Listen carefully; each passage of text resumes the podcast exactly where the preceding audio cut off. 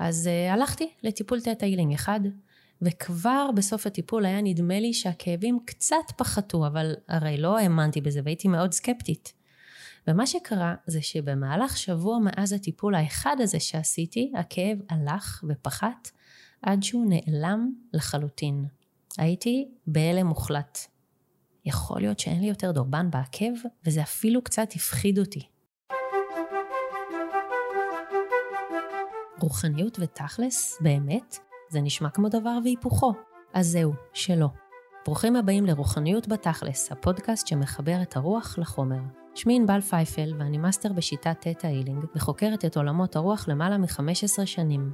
מה שהכי הייתי רוצה עבורכם זה שבזכות הפודקאסט הזה תבינו למה הכי כדאי לכם ללמוד להיות מחוברים לעולמות הרוח ואיך זה בתכלס יכול לעזור לכם לשנות את מציאות חייכם לטובה.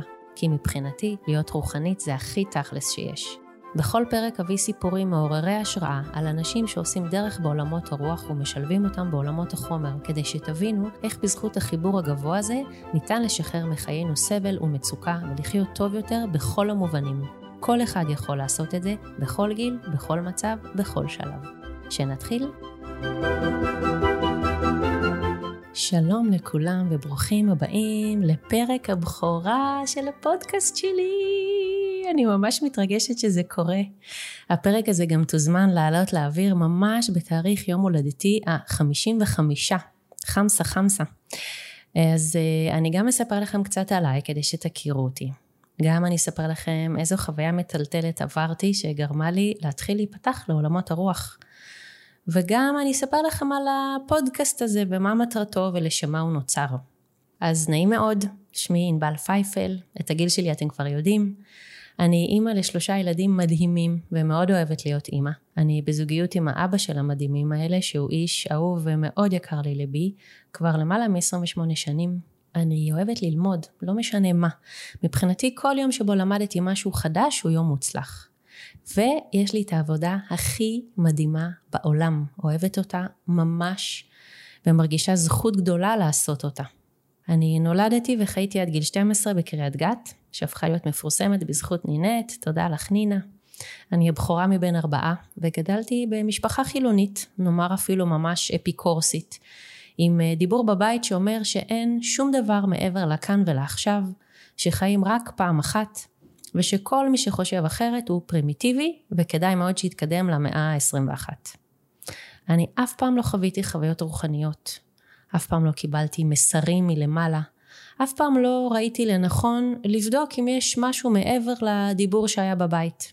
עד גיל 40. באזור גיל 40 התחלתי להיפתח לעולמות הרוח. אני זוכרת את הספר הראשון הרוחני שקראתי.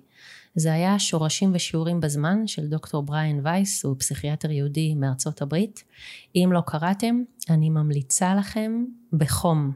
אני חוזרת שוב על השם כדי שתוכלו לרשום לכם שורשים ושיעורים בזמן של דוקטור בריאן וייס.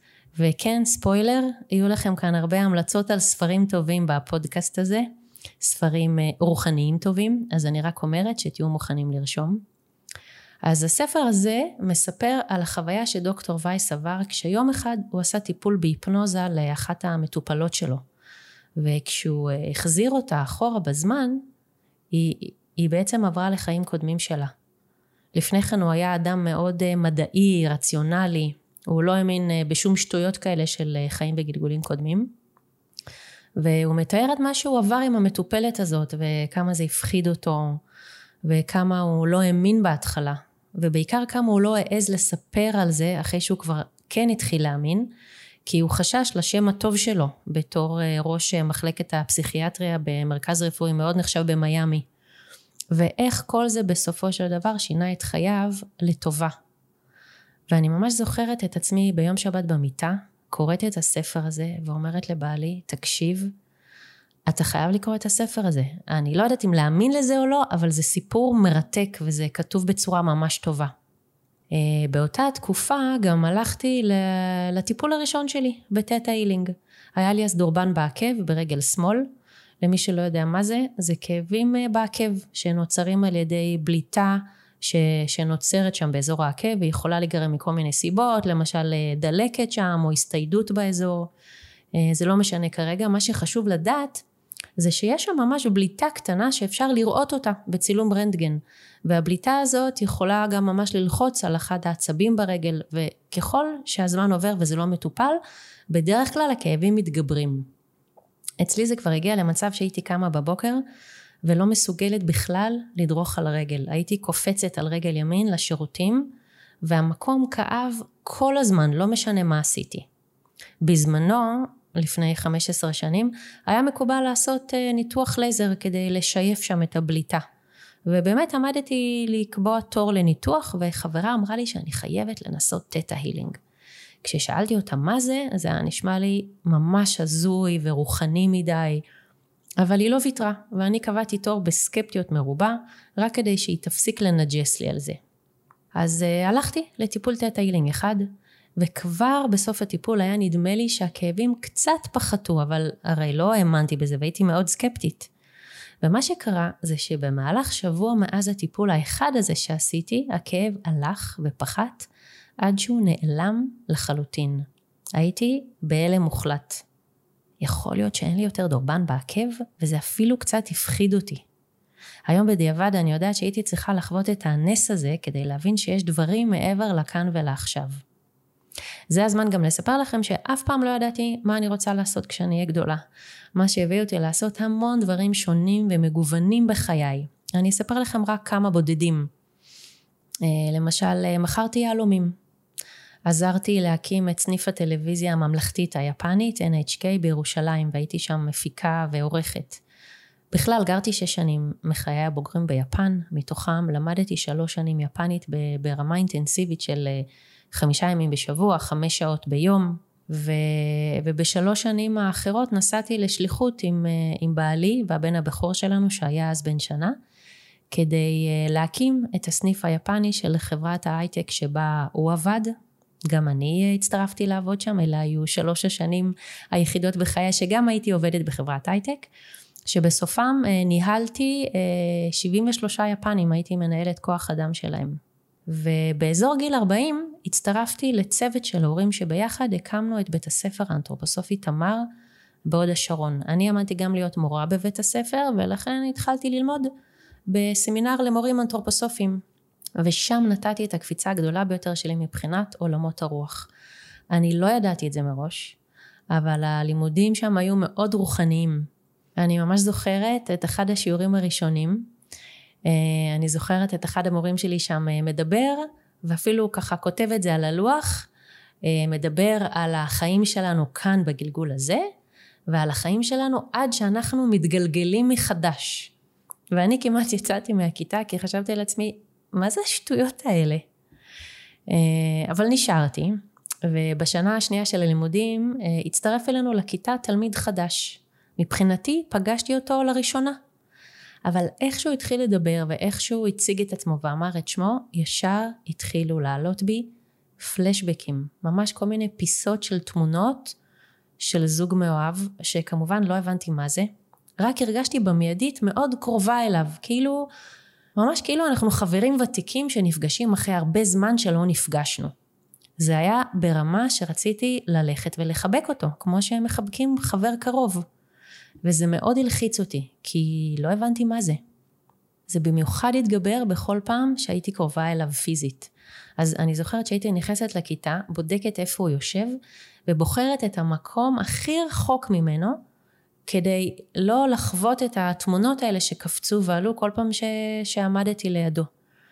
אה, במיוחד חזרה על עצמה תמונה אחת, שבה ראיתי נערה צעירה עם שיער ארוך, עומדת מחובקת עם גבר, על אה, קצה צוק מול הים, כשהשיער שלה מתנפנף ברוח. אני לא העזתי לספר על זה לאף אחד. אני הייתי בטוחה שאם אני מספרת על זה למישהו, זהו, מאשפזים אותי בבית חולים לחולי נפש. ולא ישנתי בלילות מרוב פחד ודאגה שאני משתגעת. זה היה ככה בערך חודשיים שלושה, ואז הגעתי לטיפול השני שלי בטטיילינג. אחרי ממש אה, חששות כבדים, העזתי לספר למטפלת שלי בקטנה, בלי להיכנס לפרטים, מה עובר עליי ומה הסיבה שחזרתי אליה. והיא ישר קפצה משמחה ואמרה לי, יואו, איזה יופי, את חווה פלשבקים מגלגולים קודמים. הסתכלתי עליה ואמרתי לה, אבל אני לא מאמינה בגלגולים קודמים. והיא פשוט שאלה אותי אם אני רוצה שהיא תבדוק את זה, אמרתי לה כן, והיא עצמה עיניים בטטיילינג שככה רוצים לבדוק כל מיני דברים, הרבה פעמים עוצרים עיניים, עוצמים עיניים. ואז אחרי שהיא פקחה אותן, היא אמרה לי, ראיתי נערה צעירה עם שיער ארוך, עומדת מחובקת עם גבר על קצה צוק מול הים, והשיער שלה מתנפנף ברוח. אתם מכירים את זה בסרטים המצוירים שהלסת נופלת למטה והעיניים קופצות החוצה מרוב הלם? ככה בדיוק הרגשתי. וזה מבחינתי היה ממש המפץ הגדול. התחלתי לבלוע ספרים רוחניים בכמויות. אה, בנוסף גם התחלתי ללמוד כל מיני קורסים ושיטות אלטרנטיביות. וכל הזמן המשכתי ללכת לטיפולי תטא הילינג וחוויתי ריפויים ושינויים מדהימים שלא יאומנו. לא כולם אגב היו תוך טיפול אחד, כמו שקרה עם הדורבן בעקב. אה, לגמרי היו דברים שהיו תהליכיים, ועדיין הייתי מוקסמת מהדבר הזה, ברמה שרציתי ללמוד לעשות את זה בעצמי. לא כדי לעסוק בזה. אם מישהו היה אומר לי אז שאני אהיה מורה לטטה הילינג ואתפרנס רק מזה, הייתי צוחקת וחושבת שזאת בדיחה טובה. מבחינתי, כאמור, הקמתי בית ספר אנתרופוסופי, למדתי בסמינר למורים אנתרופוסופיים כדי להיות מורה בבית הספר. הסיבה היחידה שהחלטתי ללמוד Theta Healing הייתה כדי שאני אוכל בתור אימא לשלושה ילדים יחסית צעירים, כדי שאני אוכל לעזור להם בעזרת הכלי המדהים הזה. מבחינתי זה היה עוד כלי לתמוך בהם. היום בדיעבד אני מחלקת את חיי לשניים. לפני ואחרי שלמדתי את קורס היסוד של הטטה-הילינג, שהוא הקורס הראשון שעושים כשהם מתחילים ללמוד טטה-הילינג. ושלא תטעו, מיד אחרי שסיימתי אותו, הייתי בטוחה שאני ממש גרועה בזה. לא הצלחתי לעשות הרבה דברים שלימדו אותנו בקורס. ויחד עם זאת, משהו בער בי לפצח את זה, להמשיך ללמוד ולהתמקצע בזה, כי הבנתי שעליתי על משהו חשוב ומשמעותי ביותר. אז המשכתי ללמוד עוד קורסים נוספים של הטטיילינג. עם כל קורס שלמדתי, עוד יותר העמקתי והתאהבתי בשיטה, והבנתי כמה היא מדהימה, וכמה אני רוצה להעביר אותה הלאה. והבנתי שיש לי חזון, והוא שכמה שיותר אנשים בארץ ובעולם ילמדו אותה, ועוד יותר חשוב, יפנימו אותה, ישתמשו בה בחיי היום-יום, ויעזרו בה כדי לחיות חיים טובים יותר. כי זה היה לי ברור לגמרי שככל שיותר אנשים ישתמשו בטטיילינג, העולם שלנו יהפוך להיות מקום הרבה יותר טוב והרבה יותר נעים לכולנו. וזה הרגע שהבנתי שאני צריכה לעזוב את בית הספר ולהתחיל להיות מורה לטטיילינג.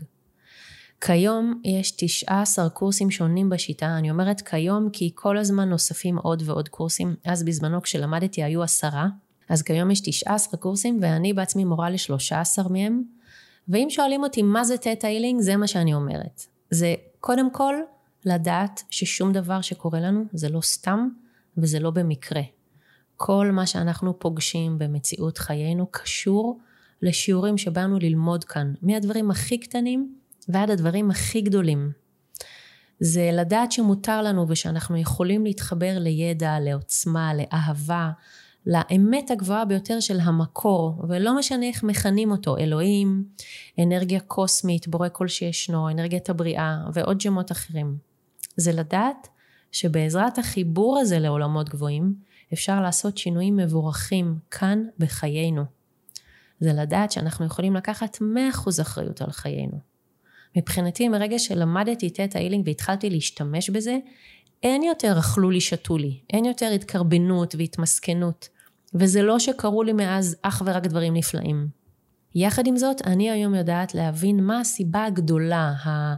אפשר לקרוא לזה נשמתית, של משהו שקרה לי, מה השיעור שלי שם, ואז לשחרר את השיעור הזה מחיי, ואז גם לשנות את מציאות חיי.